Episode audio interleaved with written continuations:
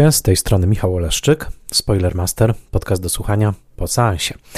Witam Was w kolejnym odcinku podcastu, w którym opowiadam o kinie bez strachu przed spoilerami. Zapraszam do posłuchania odcinka, jeżeli widzieliście film, o którym mówię, ewentualnie jeżeli nie boicie się spoilerów.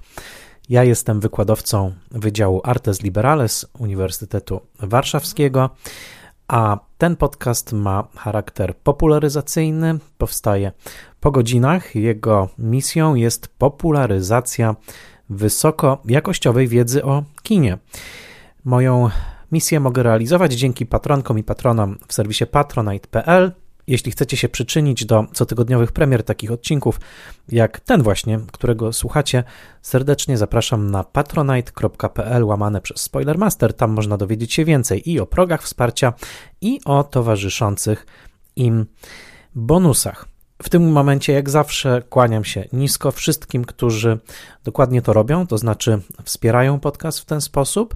E, I na czele chciałbym wymienić patronki i patronów imiennych, to znaczy Agnieszkę Egeman, Sebastiana Firlika, Joannę i Dominika Gajów, Odjego Hendersona, Beatę Hołownię, Adama Andrzeja Jaworskiego, Annę Jóźwiak, Tomasza Kopoczyńskiego, Jarka Krauza, Magdalenę Lal, Bartosza Filipa Malinowskiego z Bez Schematu, Misia Misiową i Misia Juniora, Magdalenę Miśkę Jackowską z podcastu Score and the City, Jakuba Mroza, Iwonę Oleszczuk-Jaźwiecką, Annę i Krystiana Oleszczyków, Władimira Panfiłowa, Tomasza Pikulskiego, Magdalenę Święch, Weronikę Więsyk, Jacka Wiśniewskiego, Michała Żołnieruka, a także podcast Let's Make Movies, czyli Jerzego Zawadzkiego i Tomasza Mączkę, a także blog Przygody Scenarzysty prezentujący analizy scenariuszowe. Dziękuję im wszystkim, ale także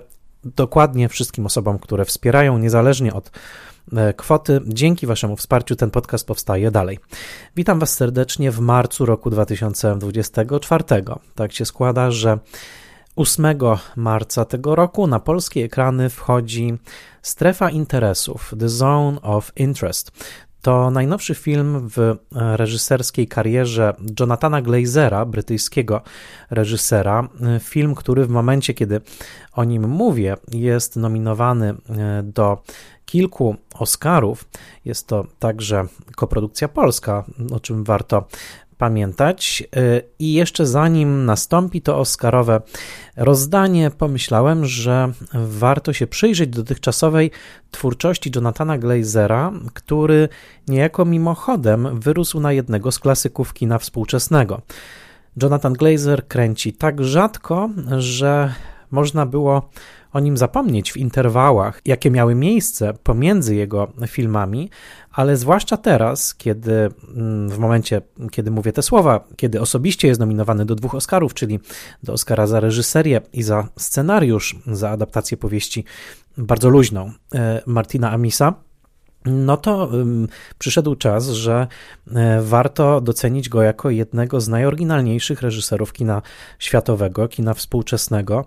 Tym bardziej, że Strefa Interesów, film wybitny, o którym co prawda odcinka Spoilermastera nie będzie, ale będzie o nim Spoilermaster webinar w ostatni czwartek e, marca 2024 roku. Zachęcam do zapoznania się z tymi programami wsparcia, które pozwalają na udział w tym webinarze. Natomiast na pewno Strefa Interesów jest filmem, który zbiera rozmaite wątki wizualne, dźwiękowe, tematyczne także, to bardzo ważne, estetyczne, które w dotychczasowej twórczości Glazera na różne sposoby się przewijały i mm, w pewien sposób podsumowuje je, doprowadza je do takiej najbardziej radykalnej, estetycznej formy. I pomyślałem sobie, mm, że skoro dni odliczamy do polskiej premiery The Zone of Interest, to może warto do tej mm, twórczości Glazera wrócić, e, mm, spojrzeć na nią trochę szerzej, i niejako przygotować się do premiery mm, tego filmu. Ja widziałem go już na pokazach przedpremierowych, e, które e, były w Polsce e, jeszcze zanim wyjechałem do Chicago na stypendium Fulbrighta, z którego do Was teraz nadaję mm, i uważam, że jest to film wybitny, natomiast uważam, że ten film mm, poruszający i trudny i jednocześnie w przedziwny sposób naprawdę piękny, smakuje najpełniej, kiedy zerknie się na niego właśnie ze świadomością i ze znajomością wcześniejszej twórczości Jonathana Glazera. Filmografia Jonathana Glazera, jeśli chodzi o pełne metraże, to nawet nie są palce jednej dłoni, ponieważ do tej pory zrealizował on zaledwie cztery filmy pełnometrażowe. W 2000 roku było to Sexy Beast, o którym będę opowiadał dzisiaj. W roku 2004 był to film Narodziny, Birth. W 2013 pojawił się film Pod skórą, Under the Skin. I właśnie w 2023 ukończył on strefę interesów. Tylko cztery filmy, a jednocześnie nawet myślę, że jeżeli widzieliście e, tylko jeden z nich, to na pewno mm, mogliście zauważyć, że jest to twórca z bardzo wyrazistym stylem, z bardzo dużą inteligencją audio, z naciskiem na wizualną. Jest to twórca, który nie kryje swoich fascynacji filmowych, przede wszystkim kinem Stanleya Kubricka, o czym dzisiaj także na pewno jeszcze e, wspomnę.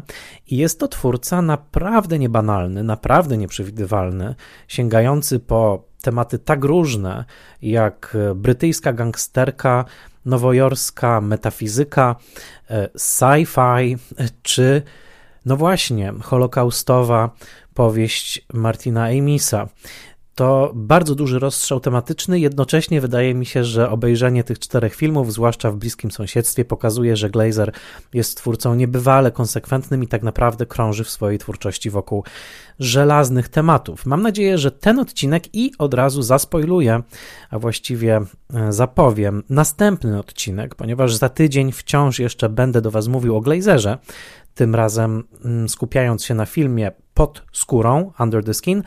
Otóż wydaje mi się, że e, takie właśnie przyjrzenie się tym filmom e, zgrupowanym, obejrzanym w krótkim czasie razem pozwala na docenienie Glazera jako jednego z e, mistrzów kina współczesnego, a zarazem takiego właśnie mistrza, którego obecność w naszych głowach zaistniała troszkę z opóźnionym zapłonem. To znaczy, upłynęło niemal ćwierćwiecze, zanim ten twórca e, no właśnie, stanął na podium z tymi mm, twórcami, którzy w danym roku nominowani są e, do najważniejszych Oscarów. Przy czym co jest równie ważną informacją, oczywiście kariera Jonathana Glazera jest o tyle wyjątkowa, że rozwijała się zawsze dwutorowo. O ile te filmy pełnometrażowe były rzeczywiście rzadkie, i ta filmografia rozwijała się, jak już powiedziałem, powoli, z ogromnym rozmysłem, bez fałszywych kroków i z każdym kolejnym krokiem stawianym niesłychanie rozważnie i z chwilami wręcz nadludzką precyzją, chciałoby się powiedzieć. O tyle cały czas rozwijała się druga linia, e, dla niektórych pewnie pierwsza, e, jeśli chodzi o hierarchię ważności e, filmografii glazerowskiej, mianowicie jego wideoklipy i jego reklamy, ponieważ jest to niebywale płodny twórca tych właśnie dwóch form.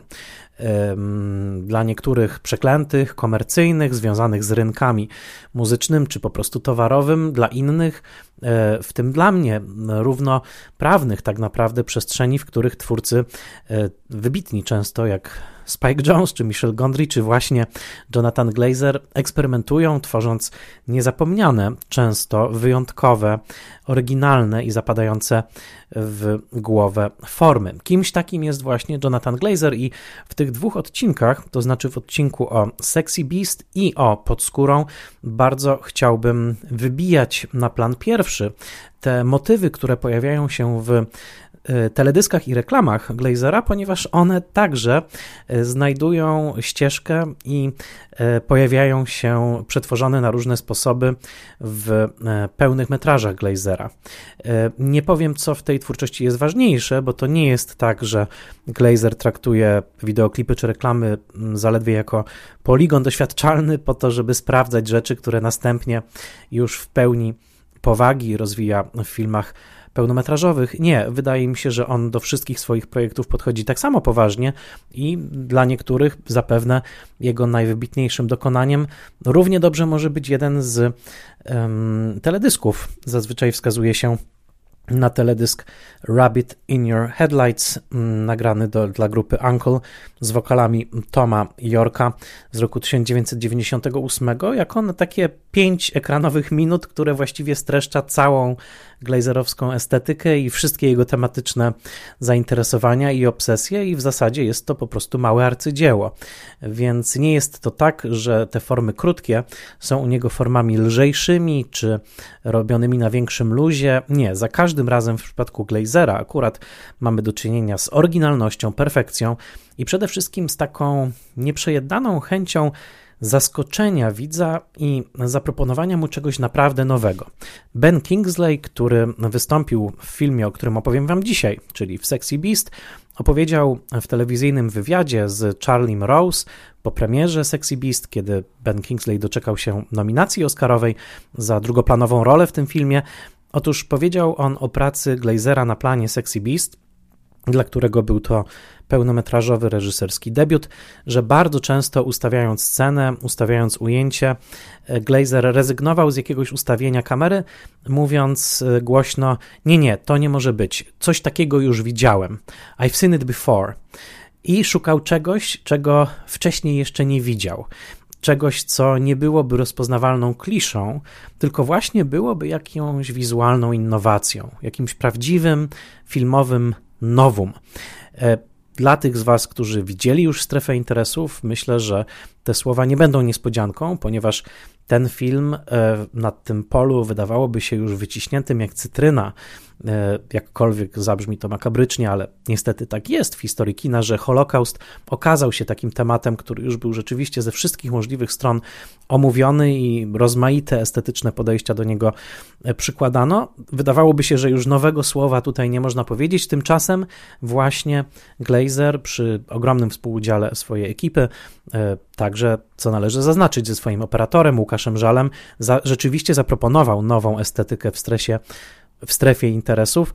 E, I e, kiedy oglądałem ten film, to przypominały mi się właśnie te słowa Bena Kingsleya, e, który mówił o Glazerze jako o kimś, o twórcy, który nie chce powielać obrazów, nie chce przywoływać klisz tego, co już było, tylko próbuje cały czas zaskoczyć, odświeżyć, zdrapać tę patynę z obrazowania, z ikonografii konkretnych gatunków i zaproponować coś, co rzeczywiście da nam powiew świeżości, co trochę zdejmie z naszego oka takie bielmo e, przyzwyczajeń, jakąś błonę nawyków, konwencji, rutyny, i zaproponuje coś nowego. W pewnym sensie Glazer z każdym swoim filmem i każdym swoim projektem próbuje otworzyć nasze oczy na nowo i to samo dotyczy uszu.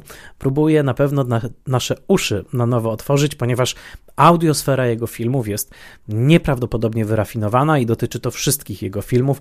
Nie dziwi to także u kogoś, kto pracował z e, takimi muzykami przy wideoklipach jak e, chociażby Jamiroquai, mm, Radiohead, czy Massive Attack. O tym także będzie okazja powiedzieć.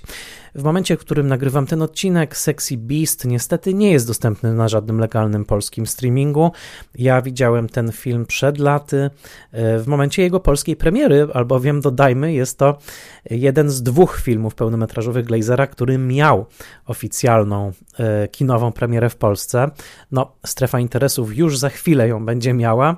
Sexy Beast także było wprowadzone na ekrany polskie, natomiast y, nie spotkało to narodzin i nie spotkało to niestety ku naszej wspólnej wielkiej krzywdzie y, filmu Pod skórą, który oczywiście zaistniał w obiegu festiwalowym, ale to nie jest dokładnie to samo.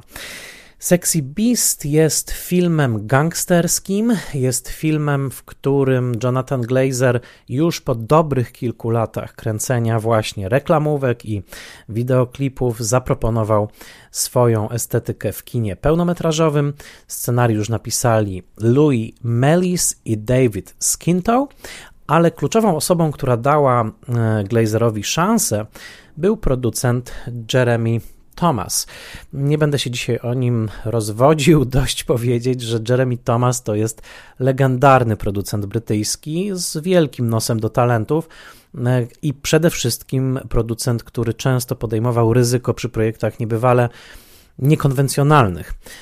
Ostatni cesarz Bertolucciego, czy Wesołych Świąt pułkowniku Lorenz, Nagisy Osimy to tylko niektóre tytuły z jego pokaźnego katalogu. My możemy pamiętać, że to właśnie Jeremy Thomas uwierzył przed laty Wierzego Skolimowskiego, pracując z nim już w latach 70. przy jego filmie Wrzask i Thomas pozostał wierny Skolimowskiemu, produkował także jego późniejsze filmy, tutaj na czele z Essential Killing, no i oczywiście z IO. W każdym razie słowa Jeremy Thomas od razu przywołują e, taką, można powiedzieć, arystokrację produkcji brytyjskiej, bo to naprawdę kultowy producent e, z wielkim, jak już powiedziałem, nosem do niekonwencjonalnych talentów. E, poza Osimą czy Bertolucci należy tu jeszcze wymienić Nicolasa Rega czy Stevena Frearsa. No, Jeremy Thomas Thomas absolutnie nie sięgał po przypadkowe nazwiska, tylko po te nazwiska, w które wierzył i jego intuicja okazywała się najczęściej trafna. Jednym z tych nazwisk właśnie był Jonathan Glazer. To był już ten okres twórczości produkcyjnej Thomasa, kiedy on pozwalał sobie właśnie na eksperymentowanie z debiutantami. Wcześniej to nie była jego domena, ale ten hazard się opłacił i świetnie napisany, odrobinę pinterowski mam na myśli nawiązanie do stylu e, dramaturgii scenicznej Harolda Pintera, słynnego e, dramatopisarza brytyjskiego, laureata Nagrody Nobla. E, otóż ten pinterowski właśnie scenariusz pełen lekko absurdalnych dialogów opartych na krótkich wypowiedziach, powtórzeniach, zazębiających się ripostach, takich właśnie, które często sypały się ze sceny pinterowskich dramatów, Tenże scenariusz Jeremy Thomas powierzył do realizacji Jonathanowi e, Glazerowi. Mm, Jonathan Glazer, e, Jonathan Glazer e, przyznawał wówczas w wywiadzie, jaki Nick James przeprowadził z nim na łamach Silent Sounda, że nie spodziewał się, jakim dużym wyzwaniem będzie dla niego, który do tej pory pracował w krótkich formach, żeby przerzucić się na formę długą, w której, jak sam przyznał, Największym wyzwaniem była praca z aktorami nad utrzymaniem dramaturgii i temperatury ich ról e, w długim okresie zdjęciowym. To było coś, czego sam Glazer przyznawał, musiał się dopiero nauczyć. Sexy Beast jest brytyjskim filmem gangsterskim, jak już wspomniałem, nakręconym w roku 2000, który doczekał się jednej Oscarowej nominacji dla drugoplanowej roli Bena Kingsleya, ale kiedy spojrzycie na plakat Sexy Beast, zresztą bardzo pamiętny plakat, to nie zobaczycie na nim Bena Kingsleya, tylko zobaczycie na nim głównego bohatera, czyli Garego Gala Dove, Dove to oczywiście e, turkawka czy gołąbek pokoju, zagranego przez Raya Winstona. Ray Winston jest fizyczną racją bytu tego filmu, ponieważ wciela się właśnie w gangstera e, gołąbka, pieczonego gołąbka, chciałoby się powiedzieć, patrząc na plakat, na którym Gal dosłownie smaży się na słońcu. Ten zapadający w pamięć kadr pokazuje e, naoliwionego Reya Winstona w samych slipkach, w okularach słonecznych na nosie, e, jak leży w skwarze na białej marmurowej posadce, na białym plastikowym leżaku z olejkiem do opalania, kilkoma butelkami po piwie i można powiedzieć, jest wcieleniem pączka w maśle. Smaży się na słońcu. Od tego także zaczyna się ten film. To jest pierwsza sekwencja, w której od razu widać wyrazisty styl Jonathana Glazera, kiedy właśnie widzimy to spektakularne smażenie się Raya Winstona, e, rozpisane w rytm montażowych cięć do piosenki grupy The Stranglers pod tytułem Peaches. Ta piosenka pochodzi z lat 70., ale pod kątem bezpośredniości nawiązań seksualnych była piosenką szokującą w swoim czasie. No, powiedziałbym, że jest to piosenka, w której podmiot liryczny to napalony samiec na plaży, który przygląda się kobiecym ciałom i komentuje je jak dojrzałe owoce. Wybaczcie, ale jedyna popkulturowa analogia z kulturą polską, jaka mi do głowy przychodzi, to i wcale nie porównuję rangi muzycznej tych utworów, bo akurat pod względem muzycznym piosenka e, The Stranglers jest dosyć e, czczona e, w, przez krytyków muzycznych, ale jednak e, pod kątem pewnej wulgarnej energii seksualnej, e, jaka zawarta jest w obydwu utworach, powiedziałbym, że ta piosenka przypomina mi niestety pamiętny hit grupy Ascetoholics pod tytułem Suczki, ponieważ jest to dokładnie ten sam typ piosenki, w którym ta męska chuć, cała przelana w krążące po plaży oko zahaczające o kolejne roznegliżowane kobiece ciała i traktujące te ciała wyłącznie w kategoriach seksualnego towaru jest niemalże celebrowana. I tutaj w tej piosence oczywiście jest to ciekawy klasz, czy ciekawy kontrast w zilustrowaniu tej otwierającej sekwencji właśnie piosenką Peaches, ponieważ no jako żywo żadnych kobiet na ekranie nie widzimy. E, widzimy tylko tego smażącego się w słońcu samca Winstona, o którym jeszcze powiem za chwilę dwa słowa, więc trochę jest tak, jakby Glazer e, brał e, rakietę tenisową, piłeczkę w postaci piosenki Peaches i strzelał tą piłką w naszą stronę, tak że my musimy ją odbić i troszkę jest tak, jakby ta piosenka e, traktowała o ciele samego Raya Winstona, a zatem piosenka o erotycznym podglądaniu czy wręcz gapieniu się na jakiś obiekt seksualny zostaje tutaj z konieczności zilustrowana właśnie ciałem głównego bohatera, co już od początku wprowadza ciekawą intertekstualną grę. W każdym razie jest to jedno z najbardziej wyrazistych otwarć w historii kina i nie mogłem o nim nie myśleć, kiedy oglądałem niedawno film Koński Ogon Justyny Łuczaj, film, który notabene bardzo cenię, e, w którym Przemysław Bluszcz wciela się w takiego ufarbowanego na blond, głównie e, spędzającego czas w slipkach półboga czy półbożka e, seksualnego hedonizmu. I patrząc na bluszcza, myślałem sobie trochę o Ray Winstonie, że to jest taki Ray Winston made, made in Poland, właśnie Przemysław Bluszcz. Przy, chcę zapewnić, że jest to komplement, bo Ray Winston jest e, także dzięki temu filmowi e, Sexy Beast zwracam uwagę na tytuł, tak, seksowną bestią kina e, brytyjskiego i jest w tym aktorze e, coś niebywale mm, charyzmatycznego. E, to jest aktor, który pochodzi z Londynu, z klasy robotniczej, urodził się w roku 1957 i przez całą swoją karierę kultywuje właśnie e, taki wizerunek niedobrego chłopca z brytyjskiej klasy robotniczej. Nawet legendy dotyczące tego, jak dostał swoją pierwszą rolę e, w telewizyjnym, słynnym, zakazanym przez dwa lata filmie Alana Clarka pod tytułem Swołocz, e, Scam, e, to jest taka historia, w której Ray Winston nie miał być częścią przesłuchań do ról w tym filmie, ale zaczął flirtować z sekretarką, dostał, dostał się na plan i dostał natychmiast rolę. Ray Winston wciela w sobie coś, co nazwałbym taką pierwotną angielskością, to znaczy angielską męskością w wydaniu najbardziej brutalnym, kanciastym, a jednocześnie bardzo pociągającym. Całe angielskie kino jest usiane łańcuszkiem takich aktorów. To są ci wszyscy bad boye kina brytyjskiego, czyli ci wszyscy aktorzy, których bez problemu jesteśmy w stanie sobie wyobrazić i na szekspirowskiej scenie, jak grają, nie wiem, Ryszarda III, i na mm, stadionie piłkarskim, jak wykrzykują e, wulgarne hasła zagrzewające arsenal do bitki. Tak? To jest dokładnie ten wyjątkowy miks, wyjątkowa alchemia brytyjskich aktorów, którzy potrafią w siebie wcielić i to, co najbardziej arystokratyczne w, w brytyjskiej kulturze, i to, co najbardziej ludowe yy, i takie właśnie przyziemne. To jest Ray Winston i tylko dodam yy, przypis yy, numer 10, że sam Winston także bardzo świadomie się w tę tradycję wpisuje, ponieważ zawsze podkreślał, że y, stał się aktorem z inspiracji Alberta Fineya, którego zobaczył po raz pierwszy w filmie z soboty na niedzielę Karela Reisha, to rok 1960. No i kogóż tam gra Albert Finney, jak nie właśnie takiego brytyjskiego chłopaka za kapiora.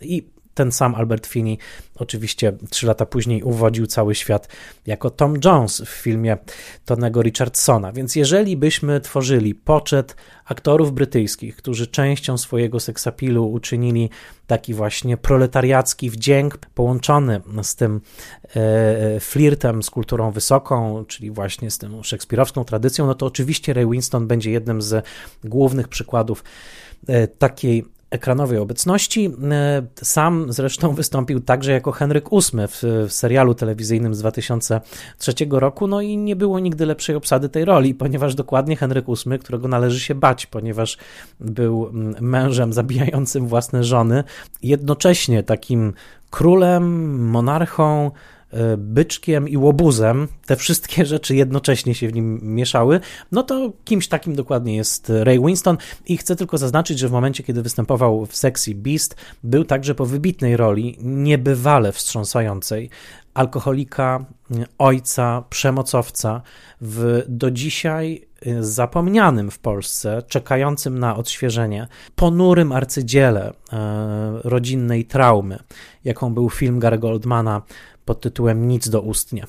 E, on tam właśnie grał tego ojca przemocowca i uważam, że nie ma w całej kinematografii światowej bardziej przerażającego portretu kogoś takiego, jak właśnie e, Winston skomentował. Dodam tylko przypis po latach, jakby jak najbardziej pasujący też do całego wizerunku Winstona, że Winston oczywiście był także zwolennikiem Brexitu, co, czego ja nie oceniam, tylko mówię, że wpisywał się w tą taką retorykę e, właśnie robotniczej, prawicującej Anglii, z której zresztą się wywodził po prostu jako, jako, jako, jako aktor. I tutaj to wszystko jest. E, sekwencja czołowa kończy się w momencie, kiedy ze zbocza w Costa del Sol, bo to właśnie hiszpańskie słońce smaży naszego bohatera, stacza się wielki kamień, wielki głaz, i przelatuje nad jego głową, dosłownie mijając ją o milimetry i rozplaskuje się w basenie, rozwalając jednocześnie ten piękny basen. To jest koniec czołówki tego filmu. Glazer opowiada, idąc za scenariuszem Melissa i Skinto, gangsterską opowieść o tym, że przeszłość zawsze cię dopadnie.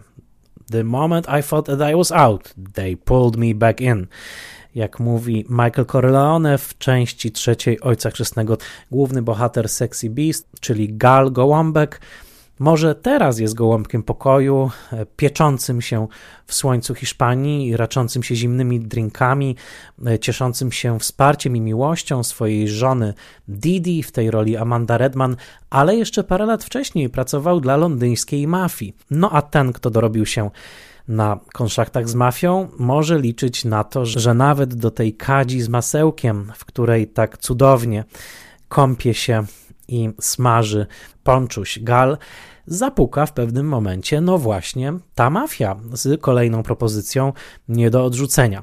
I dokładnie tak się dzieje w tym filmie. Sexy Beast opowiada o tym właśnie pukaniu przez mafię, kiedy mafia mówi: O, mamy dla ciebie jeszcze jedno zlecenie, lepiej, żebyś je wykonał.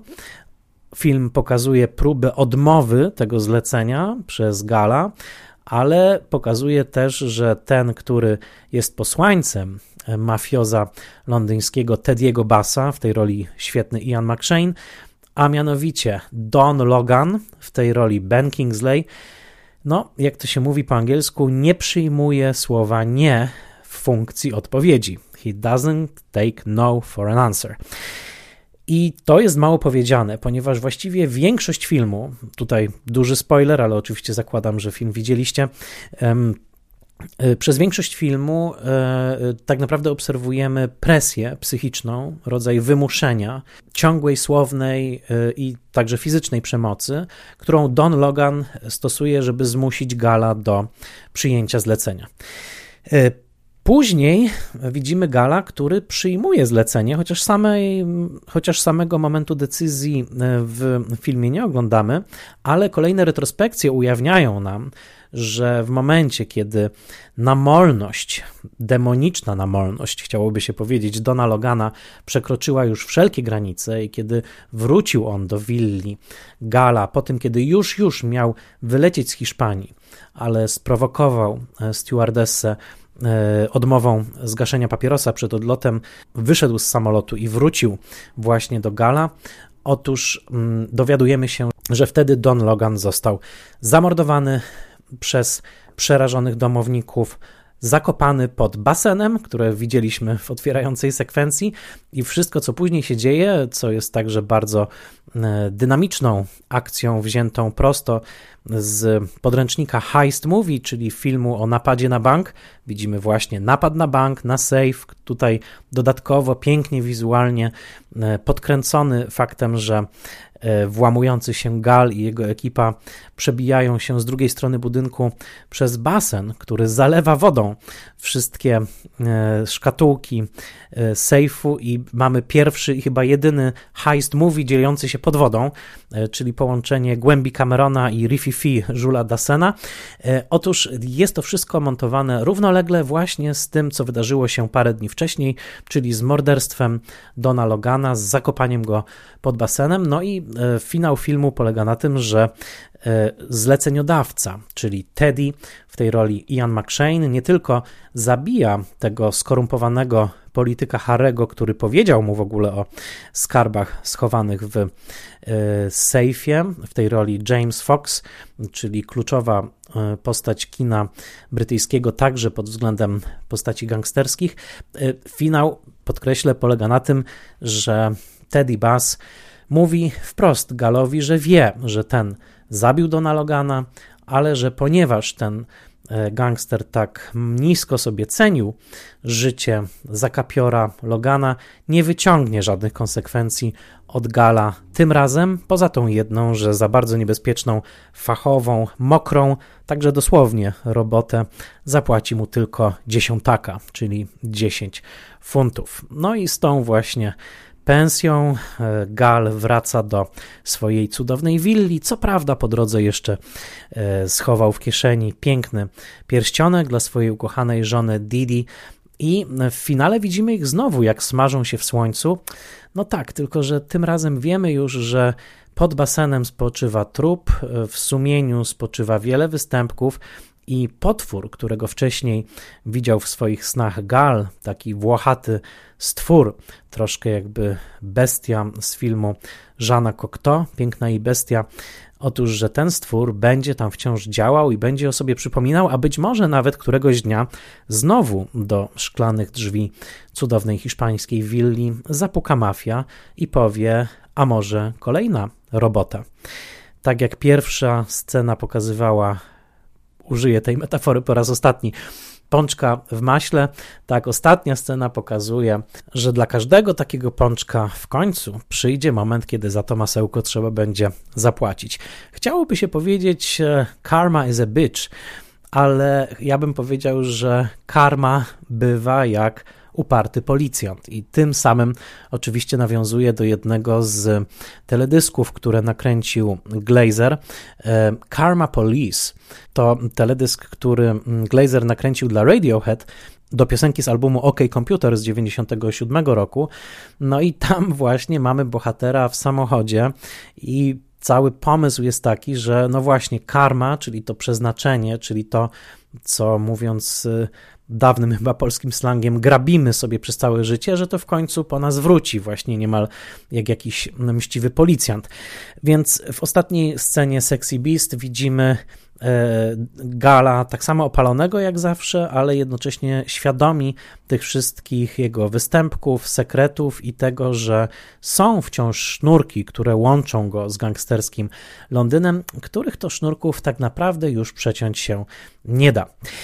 Portret Dona Logana, czyli właśnie tego pukającego do drzwi posłańca londyńskiej mafii, to jest aktorskie arcydzieło Bena Kingsleya. I tu trzeba powiedzieć wyraźnie, że jakkolwiek Sexy Beast jest filmem świetnie wyreżyserowanym, mm, naprawdę i pod względem kompozycji kadru, montażu, tempa, jest to popis reżysera, który już wtedy miał wszystkie elementy wizualnego języka w jednym palcu, o tyle film nie wykroczyłby ponad pewien przyzwoity poziom, albo nawet poziom dobry, gdyby nie rola Bena Kingsleya. Obsadzenie tego aktora i jego poprowadzenie było najważniejszą decyzją kreatywną Jonathana Glazera. Oczywiście Ray Winston jest sexy beast i jest e, Galem Dowem, jest właściwie idealnym aktorem do tej roli ale wyobrażam sobie jeszcze paru aktorów, którzy mogliby tę rolę e, zagrać. Myślę, że James Gandolfini, gdyby nie był wtedy uwiązany w rodzinie Soprano, no to mógłby też tę rolę udźwignąć. Na pewno jestem, na pewno wyuczyłby się dobrego brytyjskiego akcentu. Natomiast Ben Kingsley chyba byłby w tej roli niezastępowalny. Ben Kingsley, czyli Don Logan w Sexy Beast, to prawdziwy, brutalny socjopata.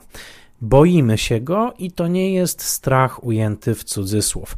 To jest prawdziwy strach. Oczy Dona Logana skrywają jakieś przepastne szaleństwo, przepastne wyparcie. Sam Glazer we wspomnianej rozmowie w Side and Soundzie mówił, że dla niego Don Logan jest jak purytański siedmiolatek w ciele pięćdziesięciolatka. Jest mężczyzną ogarniętym obsesjami, kompulsjami, Część z nich ma charakter seksualny i przedostaje się do jego niebywale wulgarnych dialogów, ale część z nich ma także charakter moralny, dotyczą e, zasad, dotyczą także jakichś reguł, które wymyśla on sam dla siebie. Długa rozmowa w lustrze, kiedy to Don rozmawia z Donem i karci i siebie, i świat dookoła za jakieś odstępstwa od mniej lub bardziej wymyślonych reguł, to jest przerażający portret tego, jak mózg psychopaty faktycznie funkcjonuje. Od pierwszego momentu, kiedy Ben Kingsley przemierza lotnisko w Hiszpanii e, i kamera po raz pierwszy dynamicznie towarzyszy bohaterowi w tym filmie, e, pierwszemu także dynamicznemu bohaterowi w tym filmie, a nie komuś, kto spędza całe dnie na swoim leżaku, jest trochę tak, jakby ktoś podłączył ten film do sieci wysokiego napięcia. Nie da się oderwać wzroku od Kingsleya, ponieważ w każdym momencie widać dokładnie, jak działa umysł Dona Logana, jak ogromne pokłady przemocy tylko czekają na to, żeby ktoś rzucił na nie e, zapałkę, a nawet iskierkę. Nie mamy żadnych wątpliwości, że te Szczupłe, ale muskularne, wytatuowane ręce, które wystają spod białej, banalnej koszuli e, Bena Kingsleya, już niejednokrotnie kogoś zadusiły. Nie mamy żadnych wątpliwości, że twarz Dona Logana to jest twarz, którą wiele osób, wiele ofiar widziało, jaką ostatnią w swoim życiu. Jest taka galeryjka czy galeria aktorskich popisów, w których wybitni aktorzy zerwali wszelkie możliwe bezpieczniki i pokazali nam przerażające portrety fascynujących a psychopatów, których jednak nie chcielibyśmy spotkać w naszym życiu za żadne skarby. Na pewno w tej galerii znajdzie się miejsce dla Denisa Hoppera i jego portretu Franka w Blue Velvet. E, powiedziałbym także, że Jan Frycz w e, Ślepnąc od świateł dokonał czegoś bardzo podobnego. Są to aktorzy, którzy podłączają się pod rodzaj diabolicznego mroku i diabolicznej skuteczności, czystej siły, pozbawionej jakichkolwiek hamulców, a jednocześnie w dziwny sposób podpiętej pod parodię kompulsywnej moralności, którzy właśnie mm, są porównywalni z Donem Loganem. Don Logan, mm, raz jeszcze podkreślę tą genialną metaforę Glazera, siedmioletni purytanin w ciele pięćdziesięciolatka to ktoś, kto jest tak bardzo uzależniony w każdej sekundzie od swojej domniemanej wszechmocy, że nie znosi absolutnie żadnego sprzeciwu i w tym kontekście ten upór e, Gala, który nie chce powrócić na ścieżkę występku, jest przede wszystkim jak taka nieznośna drzazga wbita pod paznokieć, coś, co trzeba koniecznie wydłubać, nie niekoniecznie dlatego, żeby zależało Donowi na tym, żeby robota bankowa została wykonana, tylko dlatego, że nie potrafi on znieść faktu, że Gal sprzeciwia się misji, z którą Don Logan przyjechał. Sam Ben Kingsley opowiadał w wywiadzie z Charlie Rose'em, że myślał o Donie Loganie jako o kimś całkowicie plemiennym, całkowicie podporządkowanym plemienności połączonej z dziecięcością. To taki chłopiec z placu broni, który w wieku 50 lat dalej z zaciśniętymi zębami wierzy święcie w podział na jeden i drugi podwórkowy gang. To ktoś, kto nigdy nie rozstał się radykalizmem podziałów moralnych i grupowych, jakie internalizujemy w dzieciństwie, ale które zazwyczaj rozmiękczamy, trochę relaksujemy, relatywizujemy w procesie dojrzewania. Don Logan nadal wierzy święcie w manichejski, czarno-biały porządek tych, którzy są z nami i tych, którzy są przeciwko nam. Być może Don Logan jest patronem dzisiejszej politycznej i społecznej polaryzacji, kto wie. W każdym razie na pewno jest kimś, kto nie przeszedł procesu dojrzewania i indywiduacji, e, dochodzenia do prawdziwej, dojrzałej tożsamości, jest kimś, kto jest całkowicie podporządkowany zewnątrz sterownym zasadom gangsterskiego świata.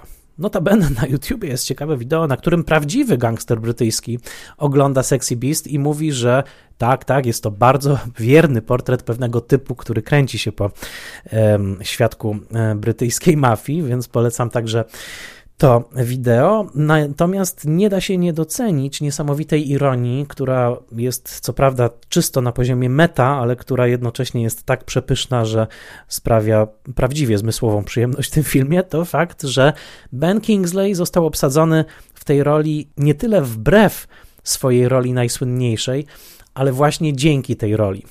Myślę oczywiście o fakcie, że Ben Kingsley dostał Oscara za rolę Gandiego. Zagrał Mahatma Gandiego, czyli najsłynniejszego chyba praktyka zasady non-violence, y, czyli biernego oporu. Rola w filmie Richarda Attenborough z roku 1982 to popis modulowanej siły y, z gniewem oczywiście ukrytym bardzo głęboko, ponieważ sam Kingsley mówił, że Mahatma Gandhi był y, powodowany gniewem antykolonialnym, ale z drugiej strony potrafił on płomień owego gniewu ogniskować i kierować tak aby nigdy nie wydostawał się ten gniew na zewnątrz. E, w tym przypadku natomiast widzimy e, Kingsleya, który zwłaszcza w scenie przed lustrem jest ucharakteryzowany niemal dokładnie tak, jak był e, w filmie Gandhi, który jest wcieleniem id wyzwolonego, to znaczy tych najciemniejszych instynktów, które nie są cenzurowane przez socjalizację i nawyki społeczne. E, te dwa portrety, Gandhi i Don Logan, to naprawdę chyba najbardziej skrajne dwie role, jakie kiedykolwiek jeden aktor zagrał, e, bo no, nie przypominam sobie, żeby Dennis Hopper występował w roli gołąbka pokoju kiedykolwiek, natomiast Kingsley, tutaj słusznie doceniony za swoją rolę, faktycznie przekonująco wcielił i najsłynniejszego e, polityka non-violence i ultra przemocowego psychopatę, więc e, czapki z głów przed Benem Kingsleyem. Sexy Beast to film prawdziwie postmodernistyczny, zanurzony w nawiązaniach do innych filmów o skokach na bank, zanurzony w nawiązaniach do innych filmów, po prostu. Nawet pseudonim, który Gal przyjmuje w Londynie w trakcie akcji, to Roundtree i pra w prawdziwie postmodernistycznym geście to nie nawet my musimy pamiętać, że Richard Roundtree zagrał słynnego czarnoskórego detektywa Shafta w klasyku Black Exploitation. To jedna z postaci filmowych, a konkretnie Don przypomina nam to, mówiąc Roundtree, like Shaft. Innymi słowy, jak to w postmodernizmie, sam film komentuje siebie samego, a my mamy cieszyć się z tych nawiązań. Oczywiście w wydaniu Jonathana Glazera jest to popisowe, i jest to przede wszystkim niesłychanie precyzyjne. Jak już wspomniałem, język teledysków Jonathana Glazera przełożył się także na ten film i wystarczy przypomnieć e, wspomniany już teledysk Rabbit in Your Headlights, w którym aktor Denis Lavant na długo, długo przed Holly Motors Leo Caraxa idzie długim tunelem samochodowym i jest rozjeżdżany przez kolejne samochody, po czym znowu wstaje i w ostatniej scenie kolejny samochód wjeżdża w niego, ale tym razem samochód rozbija się o niego, jakby rozbił się o granitowy mur. Ta scena przypomina trochę pierwszą scenę Sexy Beast, w którym ogromny głaz toczy się i toczy po zboczu, widzimy go za plecami Raya Winstona i w ostatnim momencie przelatuje nad nim. E, takich wyrazistych pomysłów wizualnych jest tutaj bardzo dużo, tym bardziej, że jest to film niemal po buñuelowsku, usiany licznymi sekwencjami fantazji, snów, na czele z taką fantazją, w której Gal siedzi pośrodku pustyni, spożywa posiłek przy suto zastawionym stole i konfrontuje się właśnie z owym włochatym stworem, który być może jest po prostu jego sumieniem. Innymi słowy, Glazer, kręcąc kunsztowny, w pewnym sensie błahy scenariusz gangsterski, jakim było Sexy Beast, od razu nasycił swoje kino mistrzostwem i precyzją wizualną, oryginalnością, którą pokazał w takich właśnie teledyskach jak Rabbit in Your Headlights, e, czy Karma Police, e, czy przełomowy w jego twórczości e, wideoklipowej Street Spirit. Mianowicie każdy z tych teledysków tworzy bardzo wyrazisty i jednocześnie zamknięty świat wizualny, taki mocno oddzielony od naszego świata codziennego, i takie światy będzie konsekwentnie w swoich filmach tworzył także Glazer później. Z perspektywy strefy interesów e, nie da się stwierdzić, chociaż będzie to e, interpretacja z tych naciąganych, ale naciąganych to nie znaczy, że niesłusznych, e, ani że nie, mogą, nie mogących być podstawą do dalszej rozmowy. Bo jak tak patrzyłem na ten piękny basen, gala w słońcu Hiszpanii, na egzystencję w luksusowej willi, którą sobie zbudował kosztem zbrodni, których wcześniej dopuszczał się w świadku mafijnym Londynu. I jak widziałem ostatnią scenę, w której jednak jakieś e, odruchy psychosomatycznie rozumianego sumienia wstrząsają wnętrzem Gala, mimo że nie planuje on zmienić swojego stylu życia, to i tutaj Duża ostrożność, ponieważ chcę mocno podkreślić, że zachowuje tutaj wszelkie proporcje, jeśli chodzi o skalę zbrodni, ale jednak skojarzyło mi się to z obrazowaniem w strefie interesów, gdzie Rudolf Hess i jego rodzina mają piękny basenik, piękny dom, piękny ogród, a wszystko to kosztem zaprzedania duszy diabłu i uczestnictwa w maszynie śmierci, która toczy się całkowicie wyparta za murami tej posiadłości.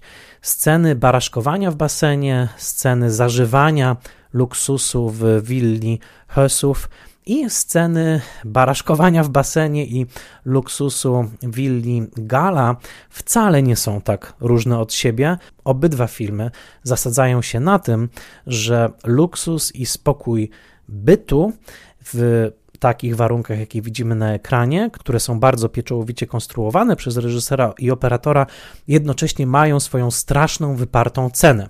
I tak jak mówię, e, wysokość tych rachunków w obydwu filmach jest bardzo różna, ale jeżeli chodzi o bohaterów i ich strategię wyparcia ich złych czynów, to wcale to nie są tak różne tematycznie filmy.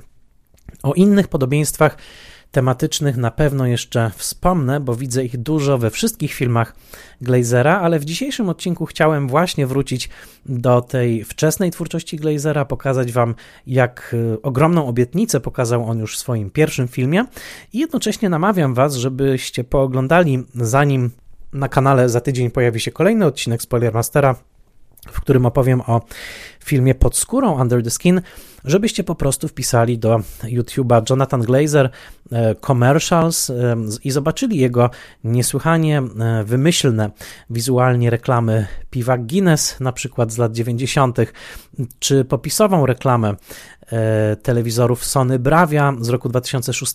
O ile pamiętam, to ta reklama była też grana w polskiej telewizji z mm, takim osiedlem, które nagle eksploduje takimi wielkimi wytryskami kolorowych farb, które mają reprezentować kolorowy ekran telewizoru Sony.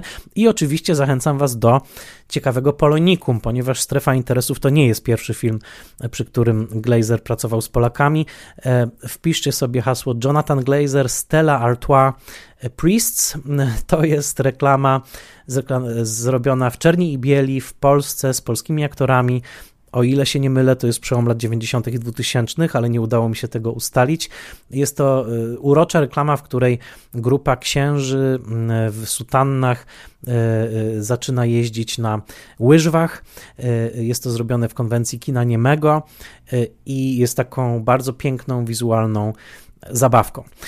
W następnym odcinku opowiem Wam więcej o korzeniach Glazera, no, o tym e, skąd on przychodzi, a jego korzenie są przede wszystkim żydowsko-ukraińskie, co ciekawe i co nieprzypadkowe w kontekście strefy interesów, ale w tym odcinku chciałem po prostu przypomnieć o niesłychanie energicznym filmie, jakim e, było Sexy Beast. Może ten odcinek e, przypomni troszeczkę ten film, może nawet skusi kogoś odpowiedzialnego za zakupy w wielkich streamingach, żeby E, ten film zakupił, żeby można go było legalnie obejrzeć. Byłoby to naprawdę e, wspaniałe, więc polecam się takiej pamięci. A dwie ostatnie rzeczy to e, jedna aktualność, mianowicie Sexy Beast właśnie doczekało się serialowego prequelu. Paramount Plus go wyprodukowało. Z tego co wiem, to chyba jeszcze nie jest dostępny w polskich streamingach, ale jest to naprawdę świeżynka, więc tam Dona Logana gra Emun Elliot, a Gala gra James McCardle. Zobaczymy, co się wydarzyło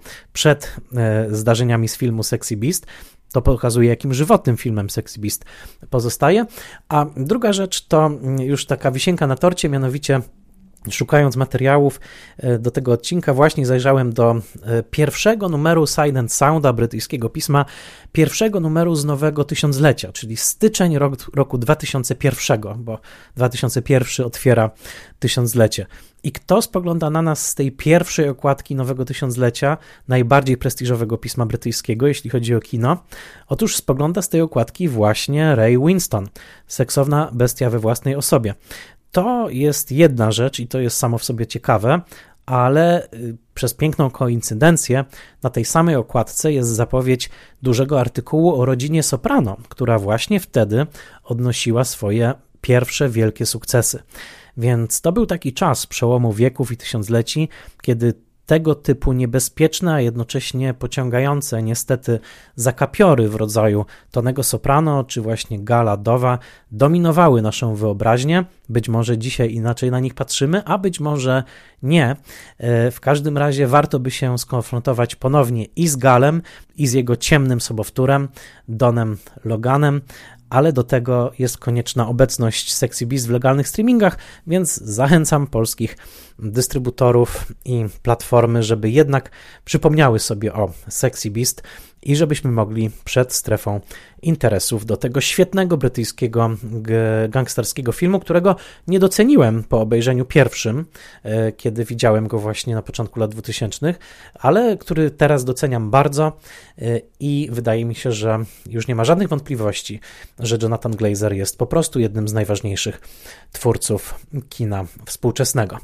O tym, jak Jonathan Glazer e, nawiązał współpracę ze Scarlett Johansson i jak niesamowite efekty przyniosło to w adaptacji upiornie klinicznej i precyzyjnej powieści autora Michela Fabera, czyli Pod skórą. O tym wszystkim opowiem za tydzień. Dziękuję wszystkim patronkom i patronom, to dzięki nim wysłuchaliście tego odcinka. Jak zawsze zachęcam do wsparcia, to bezcenna pomoc przy tworzeniu tych treści. A teraz kłaniam się Wam serdecznie, pozdrawiam z Chicago. Michał Oleszczyk, Spoilermaster. Kolejny odcinek już za tydzień.